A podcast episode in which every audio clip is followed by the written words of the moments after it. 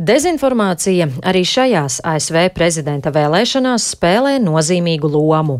Daži konservatīvākie Amerikas mediji par to ironizē, sakot, ka šādi liberāļi mēģina attaisnot savas neveiksmes. Tomēr gan zinātnieki, gan arī drošības iestāžu pārstāvji ir pārliecināti, ka notiek apzināta masveida iedzīvotāju maldināšana. Turklāt īpašu popularitāti pēdējos gados ir ieguvušas sazvērestību teorijas. No Floridas ziņo mūsu korespondents Arčuns Konhaus. Sazvērstības teorijas varētu būt visspilgtākā šo ASV prezidenta vēlēšanu iezīme. Daļa cilvēku vienmēr ir ticējusi, ka pastāv dažādas slepenas vienošanās, pelēkie kardināli, kas rausta diedziņus, un neredzamie tīkli, kas pārvalda pasauli. Tomēr četri gadi, ko Donalds Trumps ir pavadījis Baltajā namā, ir devuši sazvērstību teoriju piekritējiem jaunu iedvesmu go about your lives knowing that the president is not going to retweet conspiracy theories. Jūs dzirdat fragment no nesenās bijušā ASV prezidenta Baraka Obamas uzstāšanās. Viņš saka, ka Džo Baidena un Kamalas Harisas ievēlēšanas gadījumā amerikāņiem vairs nebūs jāsatraucās, ka prezidents varētu retvītot sazvērstību teorijas, piemēram, par the or, or slepenām kliķiem, kas pārvalda pasauli, vai par to, ka karavīri varētu nebūt nogalinājuši Bin Ladenu. Aizdomājieties, saka Obama. ASV prezidents to ir retvītojis. Kā?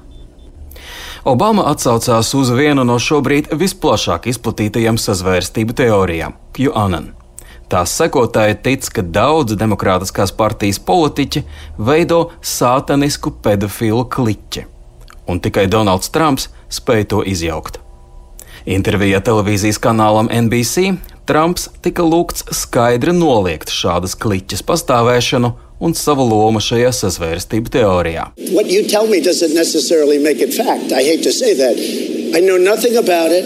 Tomēr ASV prezidents atbildēja, ka viņš neko daudz par šo jautājumu nezina un ka ar raidījuma vadītājas skaidrojumiem viņam esot par mazu, lai izdarītu secinājumus. Tāpat Trumps piebilda, ka viņš atbalsta cīņu pret pedofīliju. Iespējams, ka Trumpa nevēlēšanās skaidri norobežoties no QAnon ir saistīta ar to, ka sīvā priekšvēlēšanu cīņā katra vēlētāja balss var būt izšķiroša. Turklāt QAnon sekotāji neslēp, ka viņi atbalsta pašreizējo prezidentu. Vienu no šādiem cilvēkiem esmu sastapis arī Miami. Uh, at, uh, announce Q and brings Q to the uh, light. Viņš tirgoja tēkreklus ar lielu Q-burtu pie ieejas viceprezidenta Maika Pensa rīkotajā priekšvēlēšanu aģitācijas pasākumā. Q has always been uh, behind a lot of uh, theories of where our world governments are.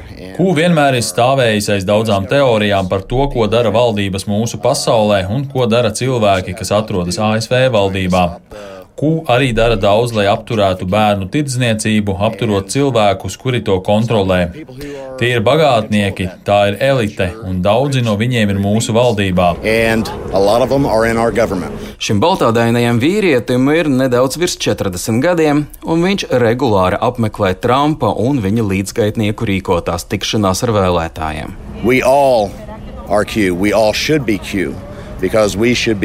Mēs visi esam Q.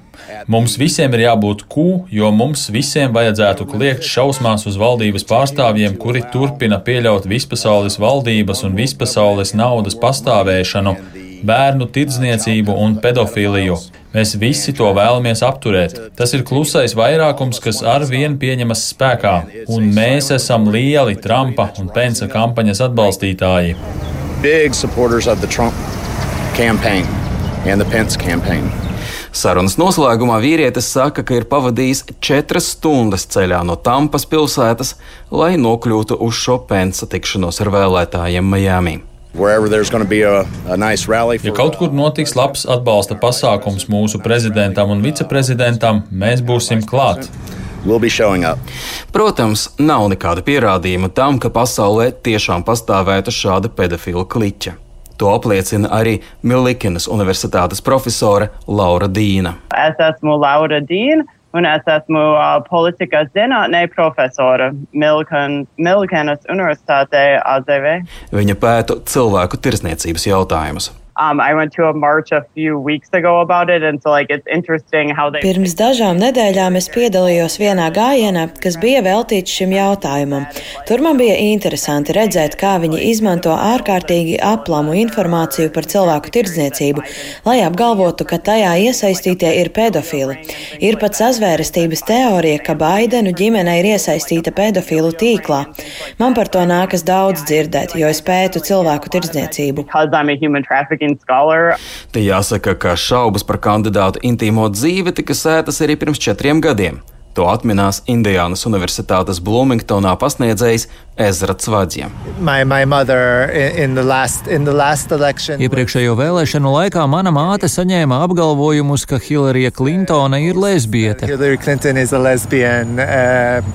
Liela loma sazvērestības teorija izplatībā spēlē sociālie tīkli. Tādēļ Facebook nesen nolēma dzēst lapas, kas ir saistītas ar QAnon. Daudziem šķiet, ka šis lēmums ir krietni novēlots, bet citiem tas kalpo par vēl vienu pierādījumu, ka plašsaziņas līdzekļi un sociālo tīklu kompāniju īpašnieki piesac elite un palīdz Džo Baidenam. Šādu pārliecību pauda vēl viena Trumpa atbalstītāja, ko sastapu Miami. Kā jūs redzat, Facebook un pārējie mēdīji mēģina apklusināt neseno stāstu par Baidenu. Ja kaut kas tāds notiktu ar Trumpu un viņa dēlu, tad šī ziņa būtu pirmajā lapas pusē.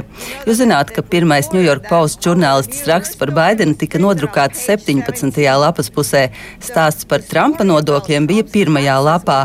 Jūs redzat šos dubultstandartus? Te ir tik daudz korupcijas, ka mums vajag tādu cilvēku kā Trumps. Viņš nerunā aplinkus, viņš nav politiķis, viņam rūp Amerikas iedzīvotāji, un viņš vēlas izglābt mūs no sociālisma un komunisma, jo mēs zinām, ka tas nestrādā. Trumpa atbalstītājs pieminētais skandāls ir saistīts ar Džo Baidenu un viņa dēla Huntera darījumiem Ukrainā. Šī lieta tika vairāk kārt pieminēta pēdējās debatēs starp Baidenu un Trumpu. Baidens vairāk kārt piebilda, ka stāsts par datoru, kurā it kā tika atrasti viņa dēla darba ēpasti, esot Krievijas aģentu piespēlētās muļķības. Krievijas un Irānas vārds izskanēja arī steigšus sasauktajā preses konferencē, kurā uzstājās ASV Nacionālais izlūkošanas direktors Džons Ratklifs un FIB vadītājs Kris Vrejs. Viņa paziņoja, ka Krievija un Irāna ir ieguvušas informāciju par vēlētāju datiem un ir izsūtījušas daudziem biedējošus ēpastus ar draudiem, ka ar cilvēkiem varētu notikt kas slikts, ja viņi nebalsos par Trumpu. Citos ēpastos bija iekļauta saite uz maldinošu video par it kā Amerikā plaši izplatītiem balsošanas pārkāpumiem. Iedzīvotāju mulsināšana un faktu apšaubīšana ir viena no taktikām, ko jau sen izmanto dezinformācijas veidotāji. Un tas darbojas. To ikdienas saziņā ar studentiem ir novērojusi arī profesora Dīna. So now in class, I actually have students. I had this happen yesterday. Pēdējā laikā studenti mēdz reaģēt uz manis teikto ar frāzi viltus ziņas. Tad mēs to analizējam un skatāmies uz dažādiem avotiem, kas pamato vienu vai otru apgalvojumu. Bet es redzu, ka studenti izmanto savos referātos un diskusijās nepārbaudītus avotus. Turklāt lekciju laikā studenti par viltus ziņām nodēvē patiesus faktus. Cilvēki pēdējā laikā izmanto šo frāzi vienkārši pret lietām, kas viņiem viņiem nepatīk. Man tas liekas problemātiski. Savukārt Vudro Vilsona starptautiskā pētnieku centra dezinformācijas jautājumu eksperte Nina Jankovica ieskicē trīs tendences, kas raksturo mūsdienu informatīvo telpu Savienotajās valstīs. Today, Tādi ļauni spēlētāji kā Krievija pastiprina savu vēstījumu, izmantojot autentiskas vietējās balsis vai organizācijas, lai slēptu informācijas pirmavotu un piešķirtu tām ticamību. Viena no šādām sazvērstības teorijām ir saistīta ar viceprezidentu Baidenu un viņa iespējamo saistību ar Ukrainu. Otra tendence ir tā dēvētā konspirācija teoriju saplūšana, kad vienas teorijas apgalvoto pastiprina un izplata citas. Šajā gadā, kad amerikāņi meklēja atbildes par koronavīrusa pandēmiju, par dezinformācijas pastiprināšanas vietām ir kļuvušas piemēram slēgtas Facebook grupas. Lai arī Facebook ir centies mazināt šādas dezinformācijas, informācijas izplatību.